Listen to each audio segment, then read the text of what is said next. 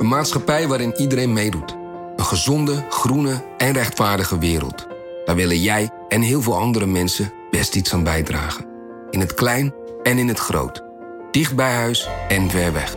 Zo hebben we vorig jaar 349 miljoen euro bij elkaar gebracht. Miljoenen waarmee onze goede doelenpartners de wereld elke dag een beetje beter kunnen maken. Nationale Postcode Loterij. Samen voor een betere wereld.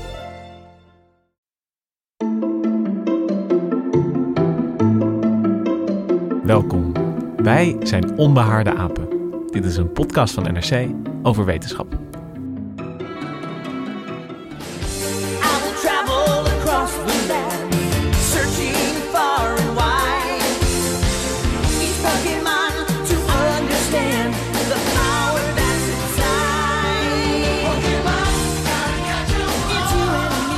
De kinderen van de jaren 90 weten het. Dit is de eh, begintune van Pokémon. Lucas ging helemaal los. Dit moet ik even met jullie delen. Lucas die was aan het playbacken en aan het dansen achter de microfoon. Nou, Ja, maar zoals ik dat vroeger ook deed voor de ja, televisie. duidelijk. deed Jij ik kent die hele tekst uit je hoofd. Zeker. Ik heb het voor het- dit hoor ik voor het eerst. Echt? Ja, ik heb Jij nog bent ook nooit geen eerder kind van de jaren Nee, 90, totaal nog van de nee. jaren 80. Nou, het, waarom we dit luisteren is omdat het gemiddelde Nederlandse kind eerder Pikachu zal herkennen dan een pimpelmeesje. Maar is dat erg? Vandaag gaan we het hebben over onze kennis van de natuur. Waar komt die vandaan? Hoe leren wij als kinderen de dieren en planten om ons heen herkennen en benoemen? En hoe gaat het dan bij inheemse volkeren? Kortom, hoe delen we de wereld om ons heen in? En eh, nou ja, deze podcast gaat dus over hokjes denken, soorten indelen. Eh, mijn naam is Lucas Brouwers. Aan tafel zit ook Gemma Venhuizen. Hoi, ja, nee, ik zit te denken.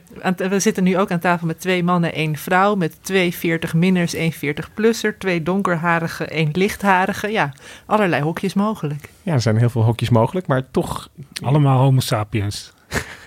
nou ja, misschien wel het En belangrijkste hokje voor deze podcast. ja, en ik ben nu eventjes in mijn eentje biologieredacteur. Naast één chef en één Historisch redacteur? Ja, wat Ja, ik wou, ik wou het hem zelf laten Ja. zeggen, maar hij zit nog een beetje aarzelend. Nou, ik weet in ieder geval dat zijn naam Hendrik Spiering is. Hallo Hendrik. Hallo. Ja, biologieredacteur en eh, ja, antropologisch historisch redacteur. Zo zou, Ja, ik misschien, ik wel goed. eh, zou ik het misschien willen noemen voor deze aflevering. Eh, gezond Het menselijk is gedrag. ook een eh, man van alle wetenschap. Hoe zeg je dat? Een manetje van alles. En we gaan het vandaag eh, hebben over de soorten en dan soorten en hoe we ze indelen. En dat is natuurlijk makkelijk om eh, gelijk naar eh, de, de, Homo sapiens, je noemde het al Hendrik, om naar de, eh, de taxonomie van Ja, eigenlijk zijn we dus homo sapiens sapiens. Maar gek genoeg hoor je dat eigenlijk niet meer. De ondersoort sapiens van homo sapiens. Ja, maar dat is de, de, de, die Latijnse dubbele naam, dat is, dat is ooit bedacht door Linnaeus. Die is, ja, de, de biologie is ervan doorspekt. Eh, maar dat is nou niet de taxonomie waar wij het over gaan hebben. We, we beginnen de, eh, deze podcast bij eh, de beleveniswereld van het kind.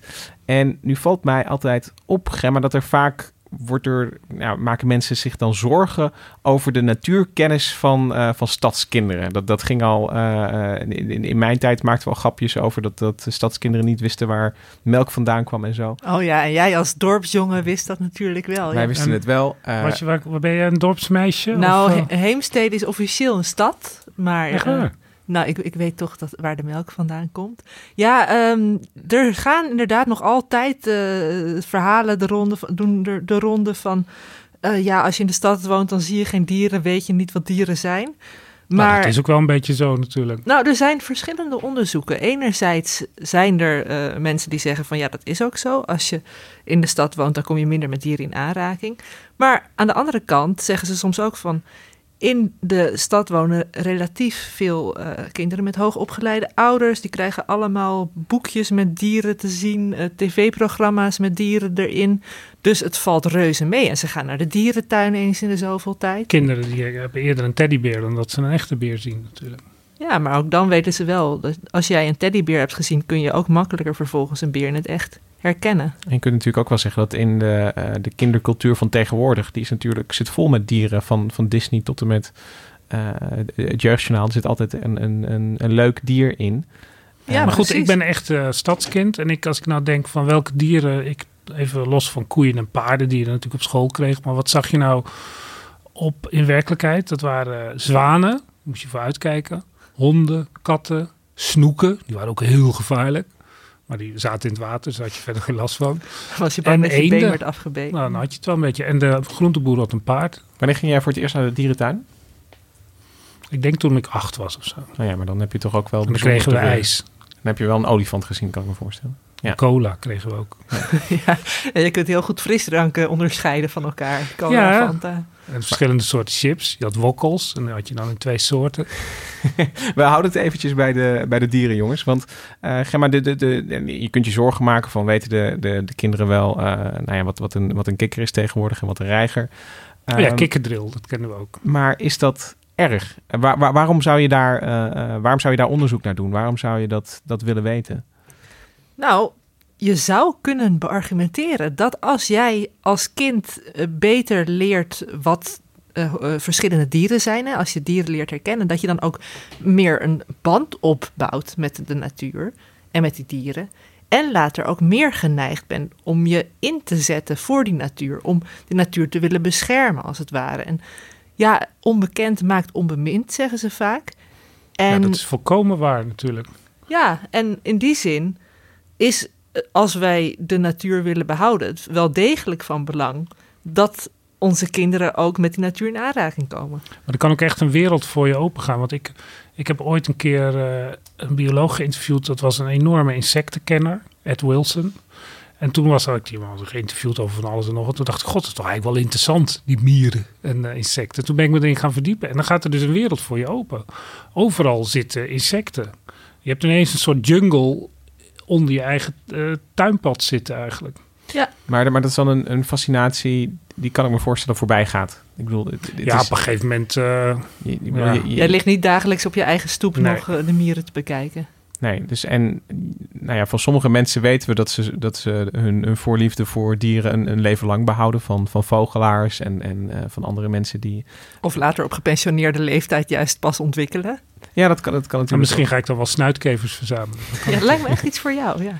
Ehm, maar wat weten we nou eigenlijk echt over wat, wat, wat, wat kinderen weten? Is daar onderzoek naar? Ja, er is een Leidse bioloog, Michiel Hoijkaas, die doet vanuit de Universiteit Leiden nu een promotieonderzoek op dat gebied. Wat zijn vraag eigenlijk was, was hij wilde weten hoe het zit met het soortbegrip van mensen. En daarvoor heeft hij naar verschillende groepen gekeken. Van kinderen of van alle nou, mensen? van allemaal mensen. eh, deels mensen die voor hun werk te maken hebben, dus boswachters en biologen die echt te maken hebben met soorten.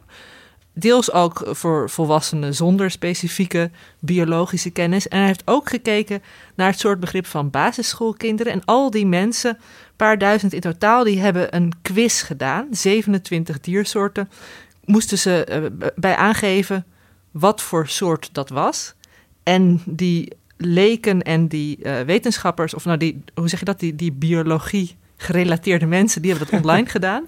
En de basisschoolkinderen, daar is hij eh, naar scholen geweest. En dat heeft hij ook één keer gedaan met onze eigen Mirjam van Zuidam. Die zijn een half jaar geleden samen naar de Lucas van Leiden basisschool in Leiden gegaan. Eigenlijk zou je het misschien niet zeggen, maar in nou, steden zijn best wel veel dieren te zien. En ehm, ik denk dat nou, mensen zijn zich daar niet altijd bewust van dat er zoveel leven in de stad is. En in mijn onderzoek probeer ik dat eigenlijk in kaart te brengen. Van kennen mensen nou eigenlijk wel de dieren die je in de stad gewoon kan zien, of dieren die je in de tuin eh, kan tegenkomen? Ik weet eigenlijk niet wat het is. Een stekelvarken. Een eekhoorn. Een eh kraai. Een vlinder. Ja, ik doe mijn onderzoek naar eh, species literacy, zo noem ik dat.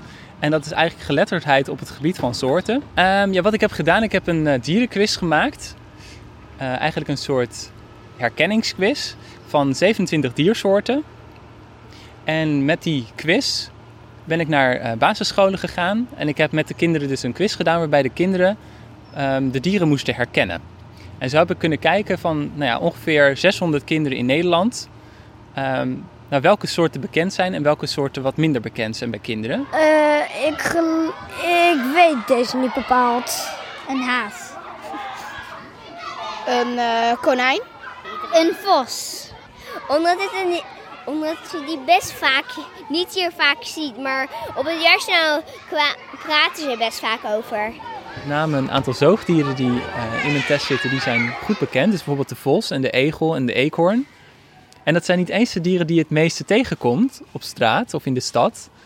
Maar die zijn heel bekend. Nou, dat zou kunnen komen door, doordat die in, in, in boeken of op tv te zien zijn. Of doordat er in de klas meer aandacht voor is. Dat zou ook mogelijk kunnen. Terwijl andere soorten die eigenlijk, nou ja, waarvan je zou zeggen van nou, die kan je makkelijker zien, zoals een pimpelmees of een huismus, die zijn eigenlijk een stuk onbekender. Dus dat is toch ja, wel echt interessant. Een vogel? Ook een vogel. Dit is een merel en ik weet niet wat het andere is. Mm, een parkiet. een specht. Een mus. Ja, ik denk ook een mus. Is een mannetje en een vrouwtje mus. De vraag komt ook wel voort uit het, eh, nou, het gegeven dat biodiversiteit wereldwijd achteruit gaat. Dus er sterven heel veel soorten uit. We zien in Nederland bijvoorbeeld ook heel veel verstedelijking. Dus mensen eh, hebben weinig echte wilde natuurgebieden om zich heen. En nou, dat zou er natuurlijk toe kunnen leiden dat ook kennis verloren gaat. Kennis van natuur en ook ehm, dat dat daarmee ook misschien mogelijk wel de verbinding met de natuur verloren gaat. Het is ook uit eerder onderzoek al aangetoond dat soorten die werden herkend, ehm, ja, dat mensen daar meer affiniteit voor die soorten hadden. Stel dat jij niet ziet dat, dat een plek bijvoorbeeld heel veel biodiversiteit heeft, dat heel veel soorten leven, dan weet je ook niet hoe waardevol dat gebied is. En dan kan je, en op het moment dat je dat wel weet en je gaat die biodiversiteit zien, je gaat verschillen tussen soorten zien, dat je ziet de rijkdom, dan heb je eigenlijk als het ware de power ook om iets voor het behoud van zo'n gebied te doen. Of dat nou een stadspark is of een wegberm of, eh, of je, je tuin bijvoorbeeld, wat voor soorten daar leven.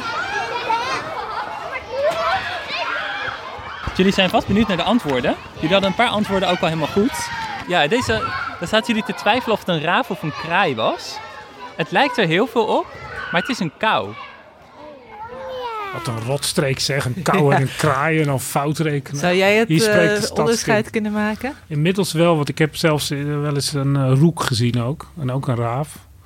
Dus het begint nu langzaam wel te dagen, maar dat is acquired knowledge. Het is niet iets wat je van, eh, Wat, van de straat af eh, meekrijgt. Wat, wat neem jij mee uit dit onderzoek, eh Gemma? Wat, wat zijn voor jou dan... eh, eh, want, ik, want ik zag eh, Hendrik een, een, een beetje knikken toen hij zei... dacht van ja, hè, hè, de, de dieren die vaak in eh, prentenboeken zitten... die, die, die herkennen ze eerder. Ja. Eh, ehm, Rijntje Vos. waar, waar- waar- waarom is het belangrijk om dat, dat te weten? Nou, we hadden het net al eventjes over die natuurbescherming, maar tegelijkertijd is het ook heel interessant dat eigenlijk wat, mij, wat ik het meest opvallend vond, was dat die kinderen dus meer die dieren uit boeken en, eh, en eh, van jeugdjournaal herkennen dan dieren die ze in het echt zien. En dat is jammer, want daarmee gaat ook een beetje de verbinding met je eigen omgeving verdwijnt in zekere zin. Hè? Het is, als jij eh, nooit hebt leren vogels kijken, dan weet je het ook niet of, het, of je, als je een vogel ziet, of dat een hele bijzondere soort is, of juist een heel algemene soort. Terwijl, naarmate je er meer van weet, dan wordt het ook leuker om om je heen te kijken. In zekere zin krijgt het landschap een soort extra laag en ja, eh, krijgt de wereld in die zin een beetje extra kleur, zou je haast kunnen zeggen. Ja, En er zit dus wel een ideologisch doel achter. Ik zeg expres ideologisch, omdat het natuurlijk ook politiek is. Eh, om kinderen, dat, ik vind het zelf ontzettend belangrijk om, om, om, om heel veel van de natuur te leren. Want dat, dat krijgen ze niet meer van huis uit mee. Want dan, ze weten wel alles van, van leeuwen en tijgers van de Disney films. Maar oh, van, van de spinnen in hun tuin, eh, zien ze de verschillen niet tussen. En dat, ja, dat, Ja, en Dat dan is ga je gewoon ze ook heel moeilijk om- sneller, dan kun je sneller een spin doodmaken. Als jij zegt van, oh, dat is een heel schattig zebraspinnetje dat daar loopt, dan krijgt hij meteen al meer karakter, meer identiteit. Ja, en je moet ook iets weten van waar leeft hij van. En eh, met die, toen ik naar die insecten keek, dan zie je ook ja, je hebt van die roofinsecten. Je hebt van die sukkels die alleen maar eh, plantjes eten, zeg maar. En dat is een heel, het is echt een beetje raillerend, maar dat is heel interessant. En, en ze zitten op de gekste plekken. Maar wat ook wel interessant is, dat ehm, Michiel die zegt dat ook... Het, het is ook voor je eigen identiteit is het haast eh, nog van, belang, van belang. En hij noemt dat sense of place. Dat is een term die noemen ze dan sense of place. Ehm, dus het zijn elementen uit je omgeving die kunnen je een gevoel van thuis geven. Dat herken ik uit mijn eigen leven denk ik ook. Dat, ehm, dat het gewoon heel mooi kan zijn als jij, als jij verschillen ziet in je omgeving en dat je diversiteit ziet, wat je dan vervolgens weer kan waarderen. En als je dan op vakantie gaat, dan zie je daar weer hele andere soorten vliegen, of lopen of kruipen. Ja, op hun beurt ook weer heel interessant om dat dan te gaan bekijken. En zo ga je een soort van patronen zien. En wordt eigenlijk die omgeving ook steeds interessanter, denk ik. Voor, voor mij is het ook duidelijk een, een acquired eh, eh, knowledge, zoals jij dat net zo mooi noemde, Hendrik. Dat, eh, en, en, en dit gevoel herken ik ook, dat als je ergens, eh, eh, je gaat er- ergens naar de Middellandse Zee en ineens zijn, zijn de vogels die je ziet fladderen net, net iets anders. Ja, of juist die seizoenaliteit. Dat je in de lente denkt, hé, hey, de eerste gierzwaluw. Het is echt weer lente. Maar jij noemde het een, een politiek doel, Hendrik, omdat je... Nou, eh, omdat, het, omdat het ook dus eh, niet onomstreden is. Kijk, iedereen vindt het natuurlijk wel belangrijk dat kinderen van, eh, van, van de natuur houden. Dus er denkt niemand tegen. Maar als ze dan als vervolgens zeg maar eh, groepen mensen zich gaan verzetten tegen het bouwen van een eh, bedrijventerrein, omdat daar eh, de beroemde linksgestreepte pad zit, dat is dan een enorme heisa. En dan wordt er gezegd, ja, hobbyisme. En dan, dan het is dan toch een, een duidelijk politieke kwestie. en, en zit er nou ook, dat- daar ben ik ook nog benieuwd naar, Want dat is dan de consequentie als je die lijn doortrekt. Dat je dus niet alleen geniet van de natuur, maar ja, dat, dat zit ook. Hij noemde, de man noemde zelf ook de biodiversiteit, de bescherming van de natuur. Ja, er zit uit, daar duidelijk een doel achter. uit Australisch onderzoek blijkt ook dat mensen bijvoorbeeld veel meer geneigd zijn om geld te geven aan soorten die ze kennen, dan aan soorten die ze niet kennen. Wat er in de praktijk op neerkomt, dat is juist vaak de soorten die we niet zo goed kennen, die we niet vaak zien, dat zijn de soorten die ons het hard no- hardst nodig hebben.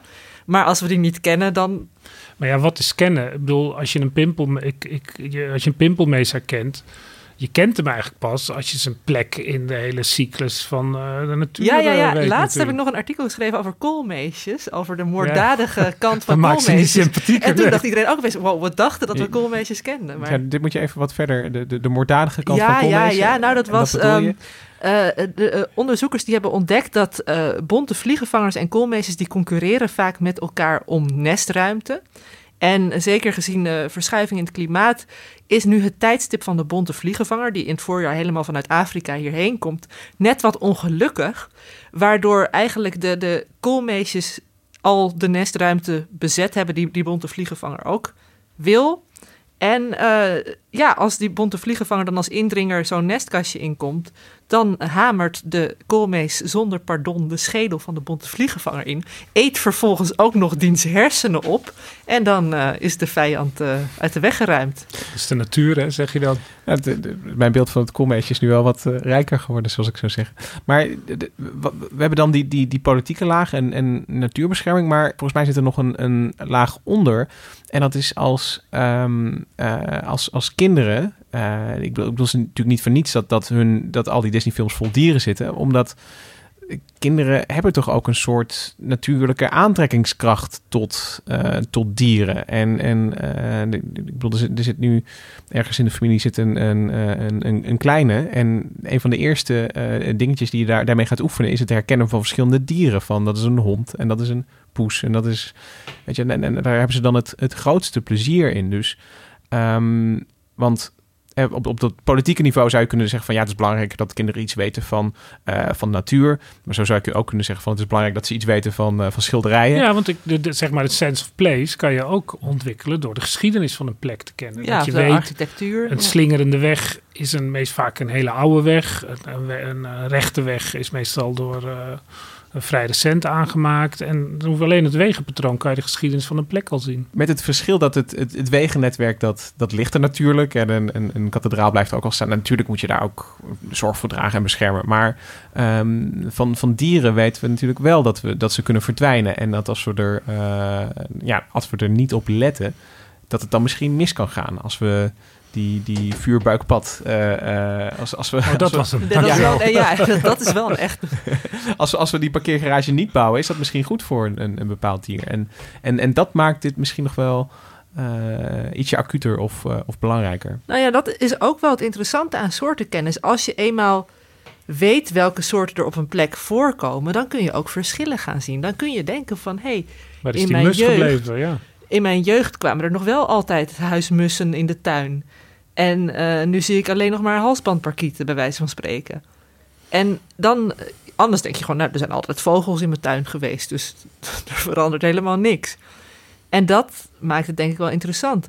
En in dat licht is het ook juist wel weer boeiend dat we ehm, lokale vogelsoorten soms heel weinig herkennen. Kijk, elk kind zal nu wel weten wat een flamingo is met al die flamingo. Maar die vliegenvanger, ik zou hem niet herkennen. Die Nee, dat, zelfs ik, ik, ik. Ik zou dan volgens dat onderzoek worden ingedeeld als de eh, professionele, professionele groep. Maar ik zou ook de vliegenvanger denk ik niet herkennen. Maar bijvoorbeeld de grutto. Zou jij de grutto herkennen? Dat is de Nederlandse vogel, de nationale Nederlandse vogel. Ja, die stond vroeger op eh, het 100 gulden biljet. Nee, dat was de snip. Oh, Daar ga je al. Ik ken uw bankbiljetten. Ja, en nu staan Ik nog wist- de snip, al nog de maar- Ja, ja, iets met een lange snavel was het, hè? Ja, dan heb je ook nog weer Welkom bij mijn kennis. de vulp en... eh, nou ja, goed. Maar ik vind hem wel heel belangrijk hoor, de grutto. Ik weet alleen van de Grutto dat zijn, eh, zijn naam is toch zo'n, eh, hoe heet dat? Eh, Een onomatopee. een onomatopee. Dat, dat zijn, zijn roep, eh, zijn naam is, eh, klinkt als een roep. Ja, dat precies. En het gaat nu ontzettend slecht met de grutto en met andere weidevogels. En het risico is dat als kinderen niet over de grutto leren... Kijk, ze zien dus nu minder grutto's, want dat is al een, een, een negatieve feedback... omdat ze... Er zijn minder grutto's, dus ze zien ze ook minder. En als ze er ook nog eens minder over leren... dan zul- zullen ze niet geneigd zijn om die grutto later als ze groot zijn te beschermen. Maar de grutto wordt toch niet bedreigd omdat we hem niet kennen, maar omdat eh, de, eh, de, de, de pompen van de, de Rijkswaterstaat harde pompen, omdat anders de, eh, de, de boeren de wijn niet op kunnen. Ja, en het heeft nog met meer te maken met uitdroging en het, zo. Nou ja, en ook met het eh, maaibeleid van, van boeren bijvoorbeeld. Van hoe lang laten ze, eh, laten ze eh, bloemen en, en andere planten op het land staan. Dus je moet eigenlijk vooral die boeren le- leren Nee, maar, maar wat een grutto is. Gemma heeft daarin natuurlijk wel een punt van, van als, als eh, stel we- wij zouden elke dag wakker worden met het gevoel van waar is die grutto gebleven, dan, dan komt er natuurlijk uit een, uit een samenleving meer, eh, meer druk, meer vraag van eh, hey, doe hier iets aan. Ja. Ja. er was een tijdje geleden was er toch zo'n zo. merelvirus, het Ubuntu-virus, of is dat weer Nee? Ubuntu is een Ubuntu uh, is- besturingssysteem van Linux. Het leek er wel op. Dat Ja, het is het, het is het. Ubuntu-virus. Ja, nou ja, dat- dat dus. Zie je, ik ken ook mijn besturingssystemen Het is ook categorieën. iets uit ja. Tanzania, Ubuntu volgens mij. Maar. Maar in ieder geval, dat, dat haalde volgens mij best wel de kranten. Want eh, Ja, het viel op. Weet Ja. je, wel, van de merel is, is een vogel die, je- die je normaal veel ziet. En ineens eh, vonden mensen dode merels. ja, en dan denken mensen, oh shit, er is iets aan de hand. Want de merels die verdwijnen. En je hebt altijd een beetje van die posterdieren. eh, misschien dat heb je nu ook met de massale insectensterfte. Dat je dan bepaalde soorten, die kennen mensen. En als ze die soort opeens minder zien, dan denken ze, wow, er is iets aan de hand. Ja, dat zie je met de bijen natuurlijk. Ja, dat, een voorbeeld van... Maar de bijen is ook weer een heel symbolisch iets. hè. De bijen is natuurlijk altijd al een voorbeeld voor de mensen geweest, ijverig. Ja, maar dat er minder haften zijn, dat zal niemand echt eh, iets zeggen. Want niemand weet hoe een haft eruit ziet. Hoe ziet een haft eruit? Weet ik ook niet. Maar om hier eventjes een, een, eh, een, een streep onder te zetten. Want, want we kunnen inderdaad wel zeggen dat het, eh, eh, nou ja, dat het belangrijk is dat we, dat we weten welke soorten er zijn. Maar eh, dat we de wereld, om het een, een, een laagje meer meta te maken... hoe we de wereld indelen in soorten is ook een interessante kwestie. En Ja. eh, ehm, eh, dat is niet vanzelfsprekend dat, eh, dat je naar de wereld kijkt en zegt dat is een snuitkever, dat is een gutto en dat is een roodborst. En daar is ook veel onderzoek Ja. gedaan. Er is eigenlijk sinds de jaren zestig een soort traditie in de antropologie. En wat zich dan ook de etnobiologie eh, is gaan noemen. En daar heb je allerlei onderzoeken in. Meestal ook vanuit taal, taalkunde. Van welk woord wordt er gebruikt voor welk dier en welke plant.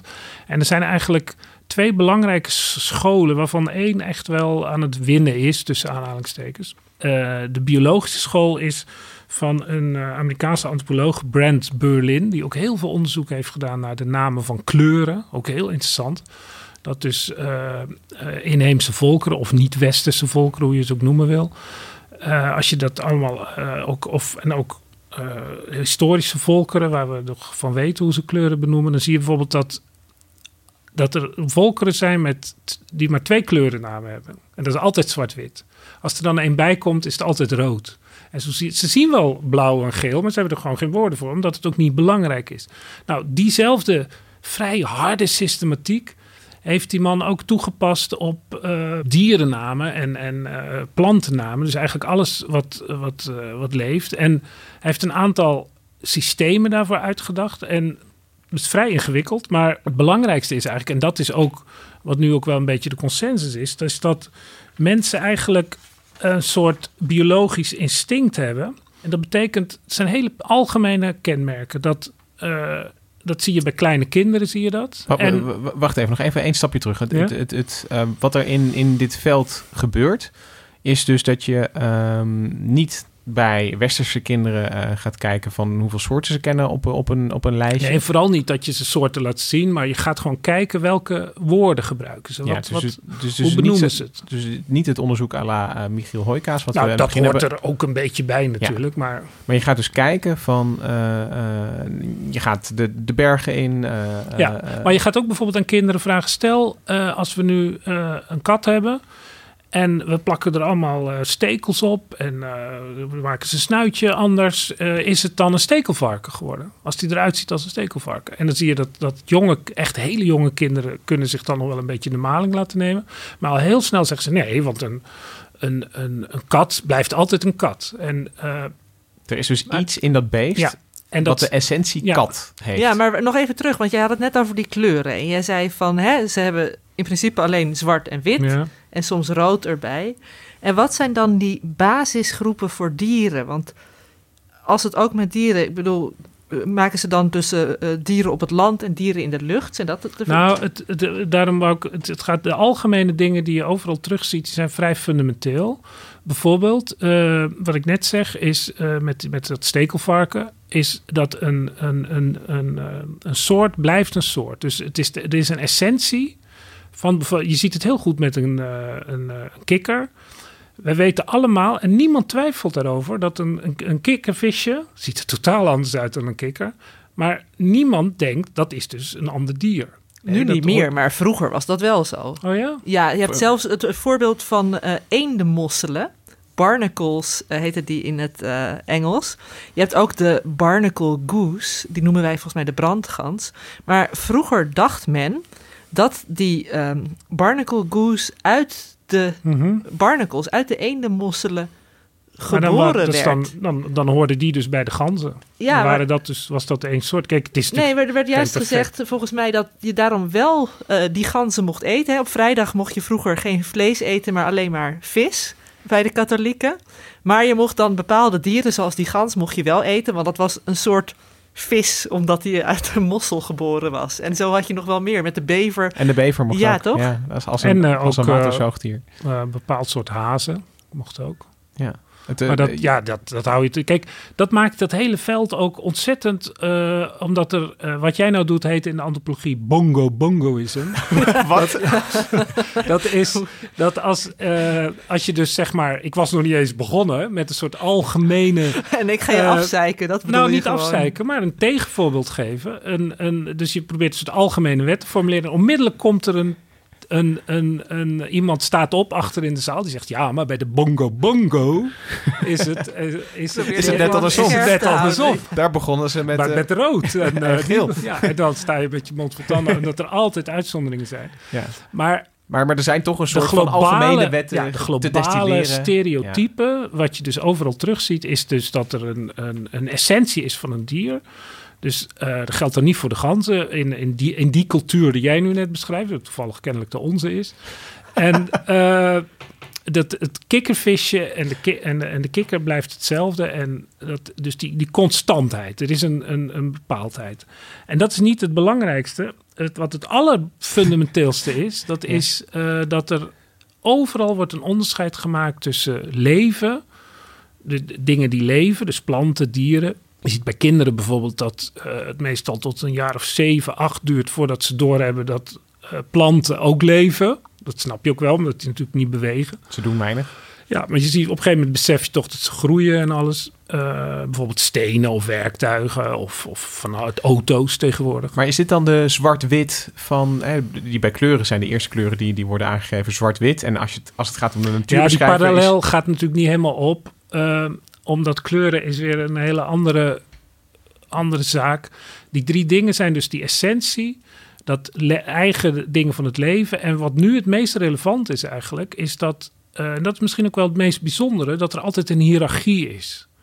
Ja, er zijn natuurlijk weer uitzonderingen. Staat u maar op achter in de, in de zaal. Maar waar met, je het eh, net over bongo, had, bijvoorbeeld bongo. dat je vogels weer kunt onderverdelen in. Of- Ja, dus dat je eh, eh, overal is er een besef dat je een, eh, bijvoorbeeld, eh, ja, ik zal maar iets zeggen wat ik dan eh, ken. Eh, je hebt een eik en dan een bijzonder soort eik, is de zomereik. En dat is, het zijn allemaal bomen. Dus Mag dat ik is een even soort. een feitje met jullie delen? Dat is dus een, nee, dat is dus een, eh, Hoe ja, hoor. onderscheid je een zomereik van een wintereik?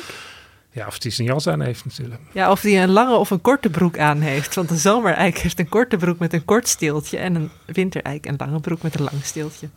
Knoop dit in je oren. Ja. En zijn dat nou twee totaal verschillende soorten eigenlijk? Ja. Ja, Quercus robur en Quercus nog wat. Twee verschillende kwerkussen. Ehm, even Maar waar was ik? Ja, je, over dat je, Ja, ja. ja, dat was met je eiken eh, eh, een hi- hiërarchie. vertakking. Oh ja, en bijvoorbeeld ook dat, dat, dat je dus eh, de kraaiachtige hebt. En dan heb je de kou. En de raaf en weet ik veel wat. En dan, dat is natuurlijk per, per... Je hebt natuurlijk duizenden indelingen over de hele wereld. Maar dat, is wel interessant dat ehm, eh, als het gaat om hiërarchie, is het natuurlijk, eh, zie je dat die, die, die schoolkinderen van Hooikaas, die stappen vrij hoog in. Want eh, die kijken naar die plaatjes van wat misschien een pimpelmees en een kraai zijn. En die zeggen vogel. Want, Ja. want ze herkennen dus dat herkennen ze, ja. snavel, veren, twee, twee poten, vleugels. Eh, dat is een vogel. En, en, en, dat, ehm, en daarmee, met dat concept vogel, komen ze eigenlijk al een heel eind. Want dan weet je al dat Ja. het waarschijnlijk een beest is dat vliegt, dat eieren legt. Ja. Eh, En die indeling wordt ook wel gezien. Hè? Dus dat je dan dus planten, dieren en dan dieren weer in eh, zoogdieren eh, of een soort, eh, iets wat je zo noemt, vogels, vissen enzovoort. Maar wat er dus fundamenteel aan de hand is, is en dat is wel eh, belangrijk, dat die eh, Brand Berlin, die, schrijft, die zegt het ook, even kijken, oh ja, die zegt het ook vrij precies. En dat is, er is dus een hele school van antropologie die er anders over denkt. Je ziet dus die soortenonderscheid en die hele nesting van dus eh zomereik in eik, eik in bomen enzovoort. Eh, dat is niet vanuit de mens aan de natuur opgelegd. Dat is dus niet bedacht, maar dat is gezien. Hij zegt, dus die mensen die die indelingen maken, de, eigenlijk iedereen, de mensen, they do not construct order, they discern it. Dus ze leggen het niet op aan de natuur, maar ze zien hoe het is. En dat ze is, leiden het af. ze leiden het af uit de werkelijkheid. En dat is dus zeg maar een soort inductiedenken. Wat altijd heel gevoelig ligt. Omdat als je natuurlijk in de werkelijkheid gaat kijken. dan zie je dat dat, dat, dat heel. Dat er altijd, eh, laten we zeggen, culturele effecten zijn, symbolische effecten. Dat is helemaal niet zo zuiver.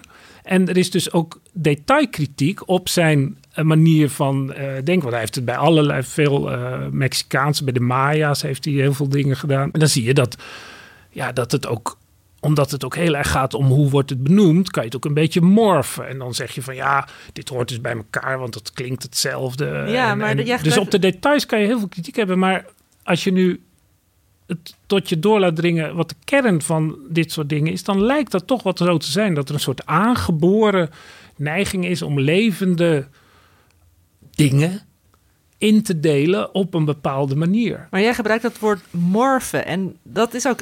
Er wordt heel veel. Als je het gewoon dat afleidende, dat deducerende. dan ben je heel erg bezig met de morfologie, met het uiterlijk, met de vorm van dieren. Terwijl als je nu kijkt hoe biologen tegenwoordig soorten indelen, hoe de hele stamboom op de schop gaat door genetisch onderzoek, dan wordt er veel minder belang gehecht aan dat uiterlijk. Ja, Dan- maar die, dit, zeg maar, eh jagers-verzamelaars in, in het Nee, maar dat is eh, toch in Amazone, die hoe- kijken niet alleen maar naar de hoe uiterlijkheden soorten dus eigenlijk nu op een andere manier worden ingedeeld, Maar biologisch gezien. Maar, maar dat punt dat je nu noemt, eh, Gemma, illustreert denk ik hoe ver die, die biologische eh soortenindeling eigenlijk wel niet staat van, van de werkelijkheid waarin in mensen leven. Dus, en wat mij ook opvalt, Hendrik, is dat in zo'n, eh, in, nou ja, wat, wat ze dan zo'n volk, volksbiologie Mhm. noemen of volkstaxonomie, gaat het ook eh, heel vaak over ja, wat, wat voor wat voor nut hebben bepaalde soorten planten? Ja. Wat hebben we eraan Dat is, eigenlijk? dat is natuurlijk ontzettend belangrijk. Want dieren je, en planten waar je niks aan hebt, die worden vaak op een hoopje gegooid. En eh,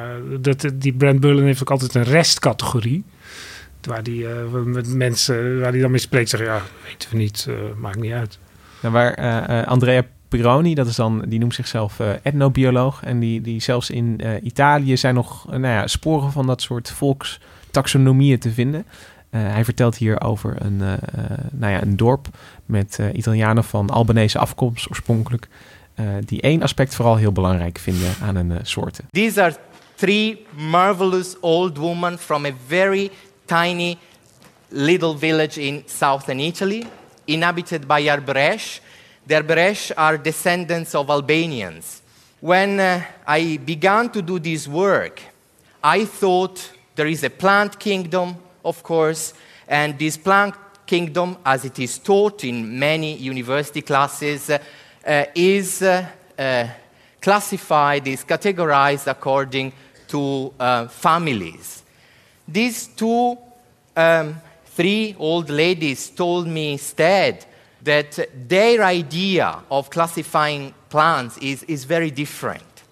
And actually, they had a category for a specific group of plant which included the idea of edibility, liacra. Liacra cannot be translated in the scientific language. They are the plants, they grow in environments, they are pretty disturbed by, uh, by the human beings, and they can be eaten.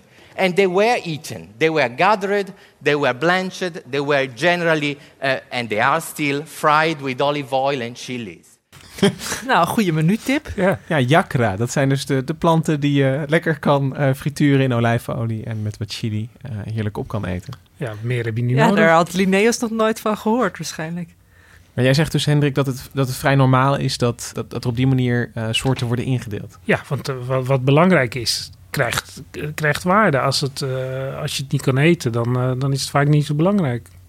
Of gevaar. En, eh, dat kun je, en soms ook symboliek. Wat bijvoorbeeld heel interessant is, ik heb ook een heel onderzoek naar Winti. Dat is dan de, zeg maar de voodoo van Suriname. En daar, welke planten zijn dan belangrijk? Hè? Dat, dat is natuurlijk niet helemaal categorisering, maar wel hoe kijk je naar de omgeving? En dan blijkt dat eh, los van allerlei eh, systematische indelingen, dat als je bosgeesten wil bestrijden, moet je planten uit het bos hebben. En eh, Klink- Klinkt logisch. Klinkt logisch, maar wat bijvoorbeeld heel verrassend is, is dat heel belangrijk is voor deze Winti. Dat zijn planten, dat is de, de, de magie van de Marons, van de gevluchte slaven die in de bossen zijn gaan wonen, daar een hele eigen beschaving hebben opgebouwd. Dat zijn planten die hun voorouders enorm van nut waren toen ze ontsnapten van de plantages. Dus planten waar heel veel water in zat, daar konden ze mee overleven. Planten die heel brandbaar waren, waarmee ze brandbommen konden maken om hun achtervolgers af te slaan. En die spelen nog steeds een rol, een opvallend grote rol in allerlei uh, windrituelen. En kun je Dus dan, puur symboliek en herinnering. Heeft En, niks met de werkelijkheid tussen aanhalingstekens te maken. en, en met de werkelijkheid bedoel je dan de huidige werkelijkheid Nou, van, de- van een... Zeg maar die ik- gedroomde eh, systematische indeling van de natuur. Even om een, een voorbeeld te geven, dat, dat giraffes tegenwoordig verdeeld worden in vier ondersoorten. Op basis van genetica en kleine verschillen in, in gedrag en in kleine Mhm. eh, verschillen in vlekken. Dat, dat maakt in het, in het alledaagse leven van, van iemand die eh, eh, eh, op, in, in, in de rondloopt niet zo heel veel. Nee. Nou, dat weet ik niet. Maar- Als je jaagt op, op, op giraffen zal het heel belangrijk En denk zijn. even aan de vogels en de dino's. Tegenwoordig zeg je gewoon van, nou ja, eh, eh, vogels en dinosaurussen allemaal, eh, horen allemaal bij elkaar. Maar toch zal een vogelaar zich niet per se Oh, als dino-liefhebber zien. Ja. En dat, dat is ook weer, hè, biologisch gezien kun je wel zeggen van, oh, vogels zijn eh, dinosauriërs. Maar ehm, voor kinderen en ook voor volwassenen is er nog wel echt een verschil tussen alle dinosoorten kennen of met een verrekijker het bos ingaan en de pimpelmees van de koolmees onderscheiden. er is dus een, een, natuurlijk een enorme kloof tussen eh, de precisie van de wetenschap. In, en ik denk dat veel van mensen ook nog schok is dat vogels eigenlijk dino's zijn. Maar goed, eh, er, is, er is wel een leuk verhaal daarover. Dat in 1972 was er in het Engelse parlement een debat over maatregelen tegen de grijze eekhoorn. Er was een soort exoot die eh, de, de, de, de, de, de Britse eekhoorns eh, verdreef. Daar wilden ze maatregelen Uit de tegen. Verenigde Staten. Ja. Ja. En ehm, toen was er een, een duidelijke stem in het parlement die wilde het woord eekhoorn niet gebruiken voor die eekhoorn, maar die wilde het boomratten noemen. En dat is dus zeg maar een soort folk biology. Want ja, waarom? Het is, een, ja, het is ook een soort knaagdier, boomratten. En daar werd toen om taxonomische redenen, de minister heeft dus zeg maar echt de biologische termen. Nee, die behoort tot het geslacht van de zus en zo en het andere. En sinds daarom, anders was het nog in de wet gekomen ook. Ja, want alles was Dus het framing. Als jij een dier als boomrat wegzet, heeft dat een heel andere eh, gevoelswaarde dan als je het eekhoorn. Ja, maar dan zie je dus ook dat de symboliek en de omgang met een dier bepaalt ook heel erg eh, de systematiek vaak. Maar de, eh, er is iets wat, wat hier best wel belangrijk is, waar we nu eh, wel overheen stappen volgens mij, is dat die hiërarchie is, ehm, die geeft je enorme kracht eigenlijk. Ja. Want als je, ehm, ehm, want daardoor kun je, kun je redeneringen maken die je anders niet kan doen. Als je weet dat, dat wolven een hart hebben. Want je hebt ooit een wolf opengesneden, je, hebt een hart gezien. En je weet, eh, je, je hebt ook een keertje een aap gevangen en die had ook een hart. Eh, eh, als je nu, weet je wel, weer een dier gaat Ja. openmaken. en, en dat is, nou ja, dat is, dat is een, een, een hyena, ik noem maar wat. Dan, dan kun je daar al uit afleiden van, ja, dit dier zal waarschijnlijk een hart hebben. Dus, dus Ja, omdat het ook een, geen insect is, bijvoorbeeld. Dat Ja. heb je, daar leid je dat uit af. Ja. Omdat het allemaal zoogdieren zijn, of in ieder geval vierpotige.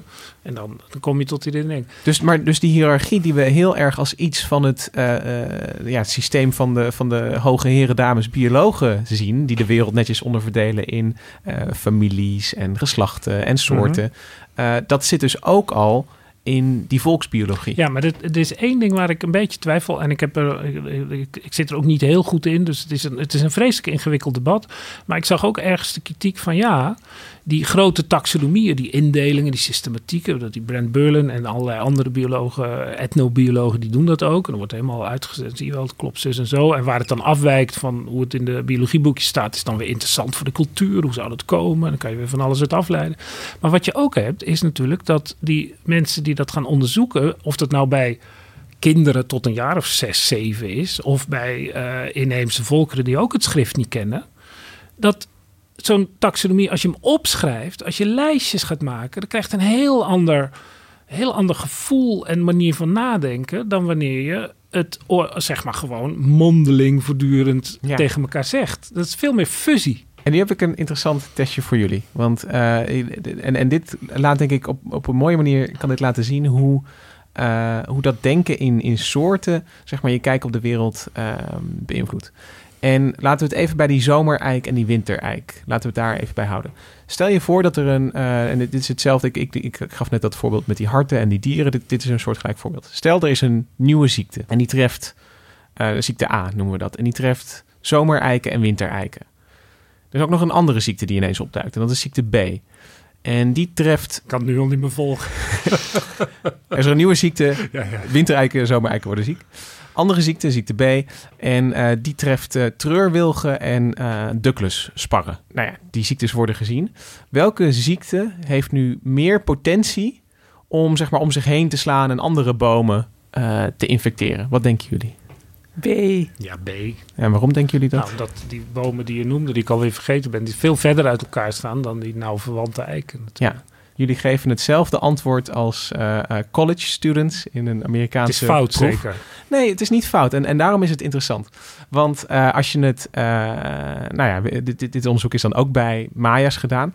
Maar ook als je mensen, bijvoorbeeld boswachters, vraagt... die, die gebruiken andere informatie. Die denken niet, ja, treurwilgen en Douglassparren, denken zij, ja, dat zijn zeldzame bomen. En die, die eiken, dat is een van de meest voorkomende Hmm. bomen. Eh, eh, hè, dus dat, dat, die, die gebruiken dus een, een, een diepere kennis eigenlijk van een specifieke soort. ehm, om, om iets over die waarschijnheid te Ja, zeggen. Dus die, wat die jij nu- het antwoord A. To- toen ik het zelf las, toen kwam ik natuurlijk ook uit B uit. En officieel eh, eh, heeft dit een naam. De, de strategie die wij hier met, met z'n allen gebruikt eh, worden. En dat, dat heet dan het, het diversiteitsprincipe. Is dat eh, wat, wat we hier doen, is, is twee, eh, eh, ja, twee groepen die verder uit elkaar staan op de stamboom. Als die al iets delen, dan, eh, dan is, het al, eh, is het logisch dat alles wat daartussen zit het ook deelt. Hè, dus als, als ik zeg. eh, eh, Als er een ziekte is die vogels en mensen kunnen krijgen, dan is het waarschijnlijker dat. eh, De varkens het ook krijgen. ja, precies. Ja, dan als er een, ziekte is die alleen maar. eh, Pimpelmees en koolmees treft. Precies. En, en dat laat ook zien waarom wetenschap krachtig is. Want, want jullie antwoord heeft ook zeker wel d- daar zit ook wel wat in. Hè? Maar, maar dat- is dus de, de, de koude wetenschap, zeg Ja. maar. En, en terwijl de... Maar je eh, vroeg ook hoe, het om, hoe snel het om zich heen zou gaan. En veel voorkomende bomen gaat het natuurlijk sneller verspreid. het zich. Dus, dus het, het, het gaat niet zozeer om, om, om goed of fout, maar meer over Hoe je denkt. hoe je de soorten indeelt en hoe je daar tegenaan kijkt, hoe dat dus je, je antwoord, of ja, je, je blik op de wereld eigenlijk kleurt. En ik, ik vond dit wel echt een, toen ik dit las, dacht ik, want ik dacht ook, ik, had, ik zei net als jullie toen ik het, het las, eh, eh, dacht ik ook B. Dus ik, eh, dus schaam jullie vooral niet. Nee. Nou, als, als zelfs jij het verkeerde antwoord hebt gegeven, dan valt het nog wel mee met ons. Maar ik, ik heb dus gezegd dat er twee scholen waren, realiseer ik me. Ik heb Ja. dus eigenlijk die ene verteld. En die ander is dus veel minder belangrijk. Maar die, die oefent dus heel veel kritiek op dit soort dingen. En die zeggen dat het dus heel erg een, een culturele benoeming is. Hè? Dus dat het niet inductief is. Dat zeg maar de, de, de, het kind of de... de de, de, de, primitieve mens, om het maar zo te zeggen, om zich heen kijkt en denkt: oh ja, dat is heel anders. Eh, maar dat het dus allemaal symbolisch bepaald is. En ze hebben natuurlijk allebei gelijk, want die, vervolgens wordt die, dat, dat de inductie, inductieve systeem, wat wel een beetje aangeboren lijkt, van die indeling in soorten en die hiërarchieën, wordt natuurlijk cultureel enorm veranderd door allerlei symbolische gedachten. En, eh, Dat is ook wel leuk, wat Michiel had ik op een gegeven moment met hem over, dat tegenwoordig kinderen soms wel meer geneigd lijkt te zijn om inderdaad automerken te herkennen bijvoorbeeld. En eh, ja, ik vroeg aan hem, is dat dan niet eh, zonde? Maar hij ziet dat juist als een positief teken. En er is ook een studie geweest die heeft gekeken naar Pokémon en naar, eh, naar inheemse dieren. Dat was dan in Engeland. En dan bleek inderdaad de Pokémon veel, veel vaker herkend te worden door de kinderen. Maar Dus- ik haal er dan het positieve uit, want ik denk, ja, als kinderen zoveel Pokémon uit elkaar kunnen houden, dan kan dat ook bij gewone dieren. Het is alleen waar je je oog op richt eigenlijk. Nee, dat, dat, dat, en, en dat zou dan hetzelfde aangeboren systeem zijn. Ja, dat gevoel heb ik wel. Een soort ordeningsprincipe voor levende dingen, wat je dan ook op fantasie dingen. eh, Maar het is wel interessant dat Hoikaas in dit verband dan de, Pokémon noemt. Want ik weet niet of hij dat weet. Maar eh, eh, als Pokémon-liefhebber, zo heb, ik me toch al, eh, heb jij me toch al geout, Gemma, aan het begin van deze aflevering. Eh, weet ik dat, dat die Pokémon zijn ook ontworpen en bedacht om vanuit een, een, het idee van die kinderen die hadden ooit een, een voorliefde voor natuur. En, en die kun je eigenlijk transplanteren op die fantasiebeesten. 子供の頃の虫取り体験も影響してるんですもうその通りです虫博士みたいに自分ではこう少し思うぐらいの、まあ、マニアックさで撮ってたわけですあゲームの前はそう虫取りやったんですねそう Ja, we hoorden hier de bedenker van Pokémon. Ja, dat, eh, heel duidelijk wat hij vertelde, Lucas. Ja, wat, wat hij vertelde hier was, hij heet eh, Satoshi Tajiri. En hij vertelde hier hoe hij als jongetje dus insecten verzamelde. Ehm, en eh, eigenlijk eh, dacht van, van ja, hoe kan ik nou die, die, die, dat plezier in dat verzamelen, in dat herkennen, wat, eh, wat hij had met die insecten, hoe kan ik dat nou ja, vertalen naar, naar die digitale wereld? En, en zo zijn Pokémon dus bedacht om, om, ja, dus eigenlijk om in dat hele systeem in te haken. En, en, en kinderen dus Pokémon te ja, laten verzamelen. welkom in de menselijke natuur. Of eh, menselijke cultuur. Want allerlei dingen, allerlei mentale vermogens worden echt enorm gebruikt voor weer andere dingen. En eh, wat ik wel grappig vind, is dat er dus in, in eh, die, al die eh, inheemse volkeren waar Brand Berlin en al die andere mensen op zoek gaan, die hebben natuurlijk ook allemaal fantasiedieren. En ik zag er ergens ook langskomen dat die dan ook soms enorme ruzie hebben over de indeling van die fantasiedieren. Dus daar zijn ze natuurlijk ook mee bezig. Maar dat is die. die ehm, en, en het is misschien een goed moment om daar hier over te Is de gaan. eenhoorn een paard of niet? Ja, maar dat, Goeie het, vraag. het, het, het doet me denken aan veel schoolpleindiscussies. Van is, is Pikachu nu sterker dan eh, eh, Charmander of niet? Hè, in een gevecht, wie zou er winnen? Ik kan hier helaas niks over zeggen. nou, ik kon hier vroeger uren over praten. En? Eh, ja, Pikachu is veel sterker natuurlijk.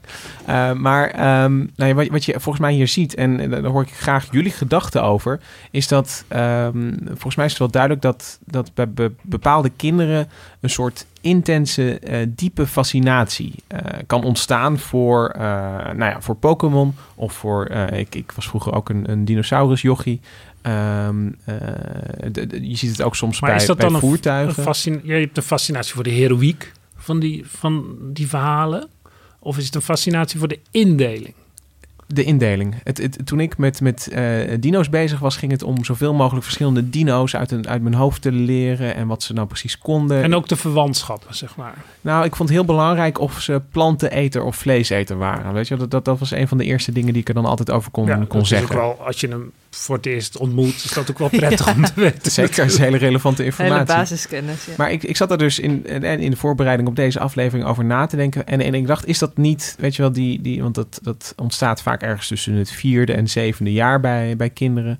Is dat niet een soort echo uit de tijd dat, eh, ehm, dat, dat het heel belangrijk was om, om te weten in wat voor wereld je leefde en, en om, om die dieren te leren kennen?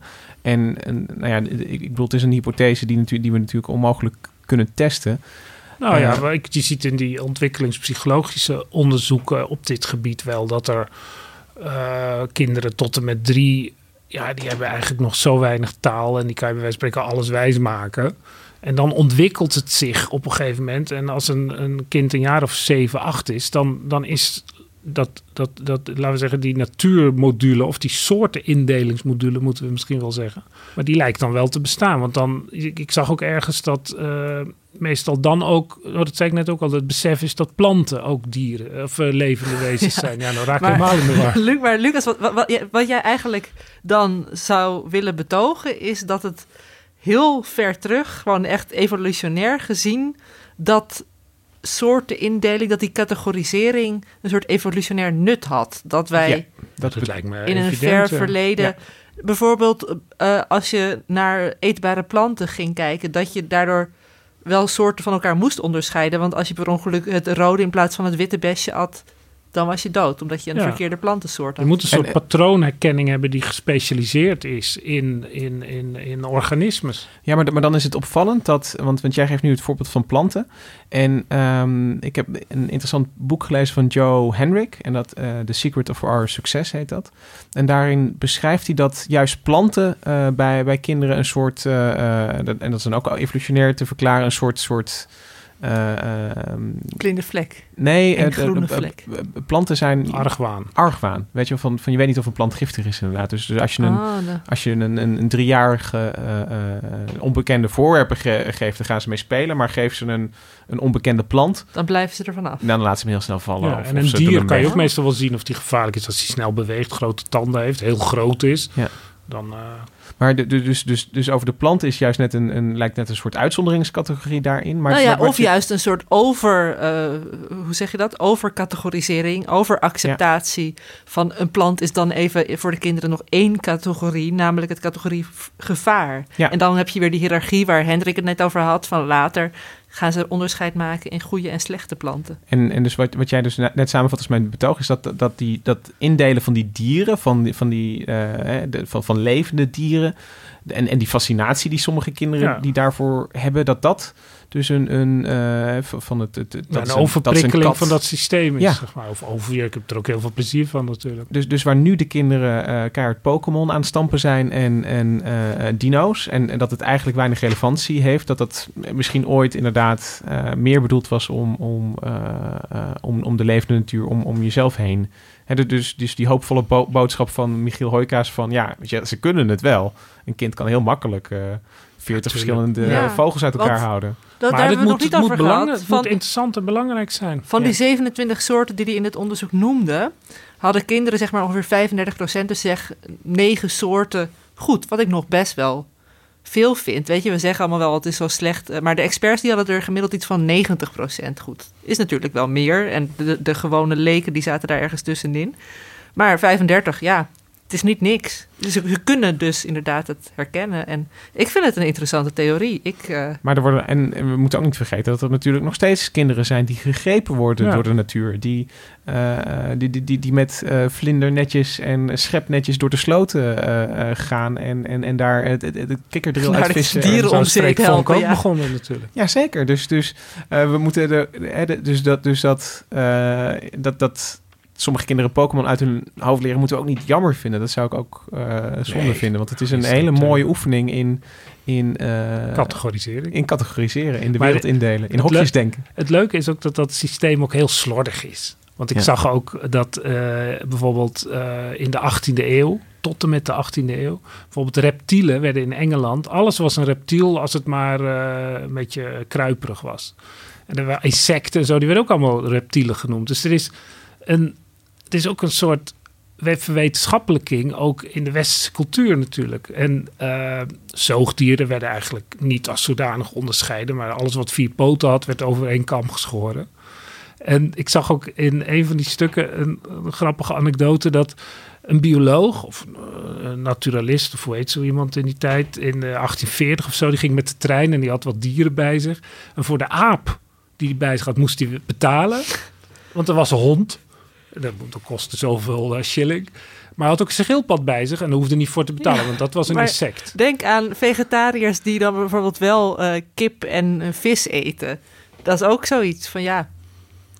Als je geen dieren eet, zou je eigenlijk ook geen kippen en vissen moeten eten. Ja, maar dit- hier, hier kom je dus over. Ik, ik, ik denk, maar, dit vind ik heel grappig dat je dit. Want dit is juist een, een oefening in categoriseren die dus heel relevant is voor mensen. En, en waar.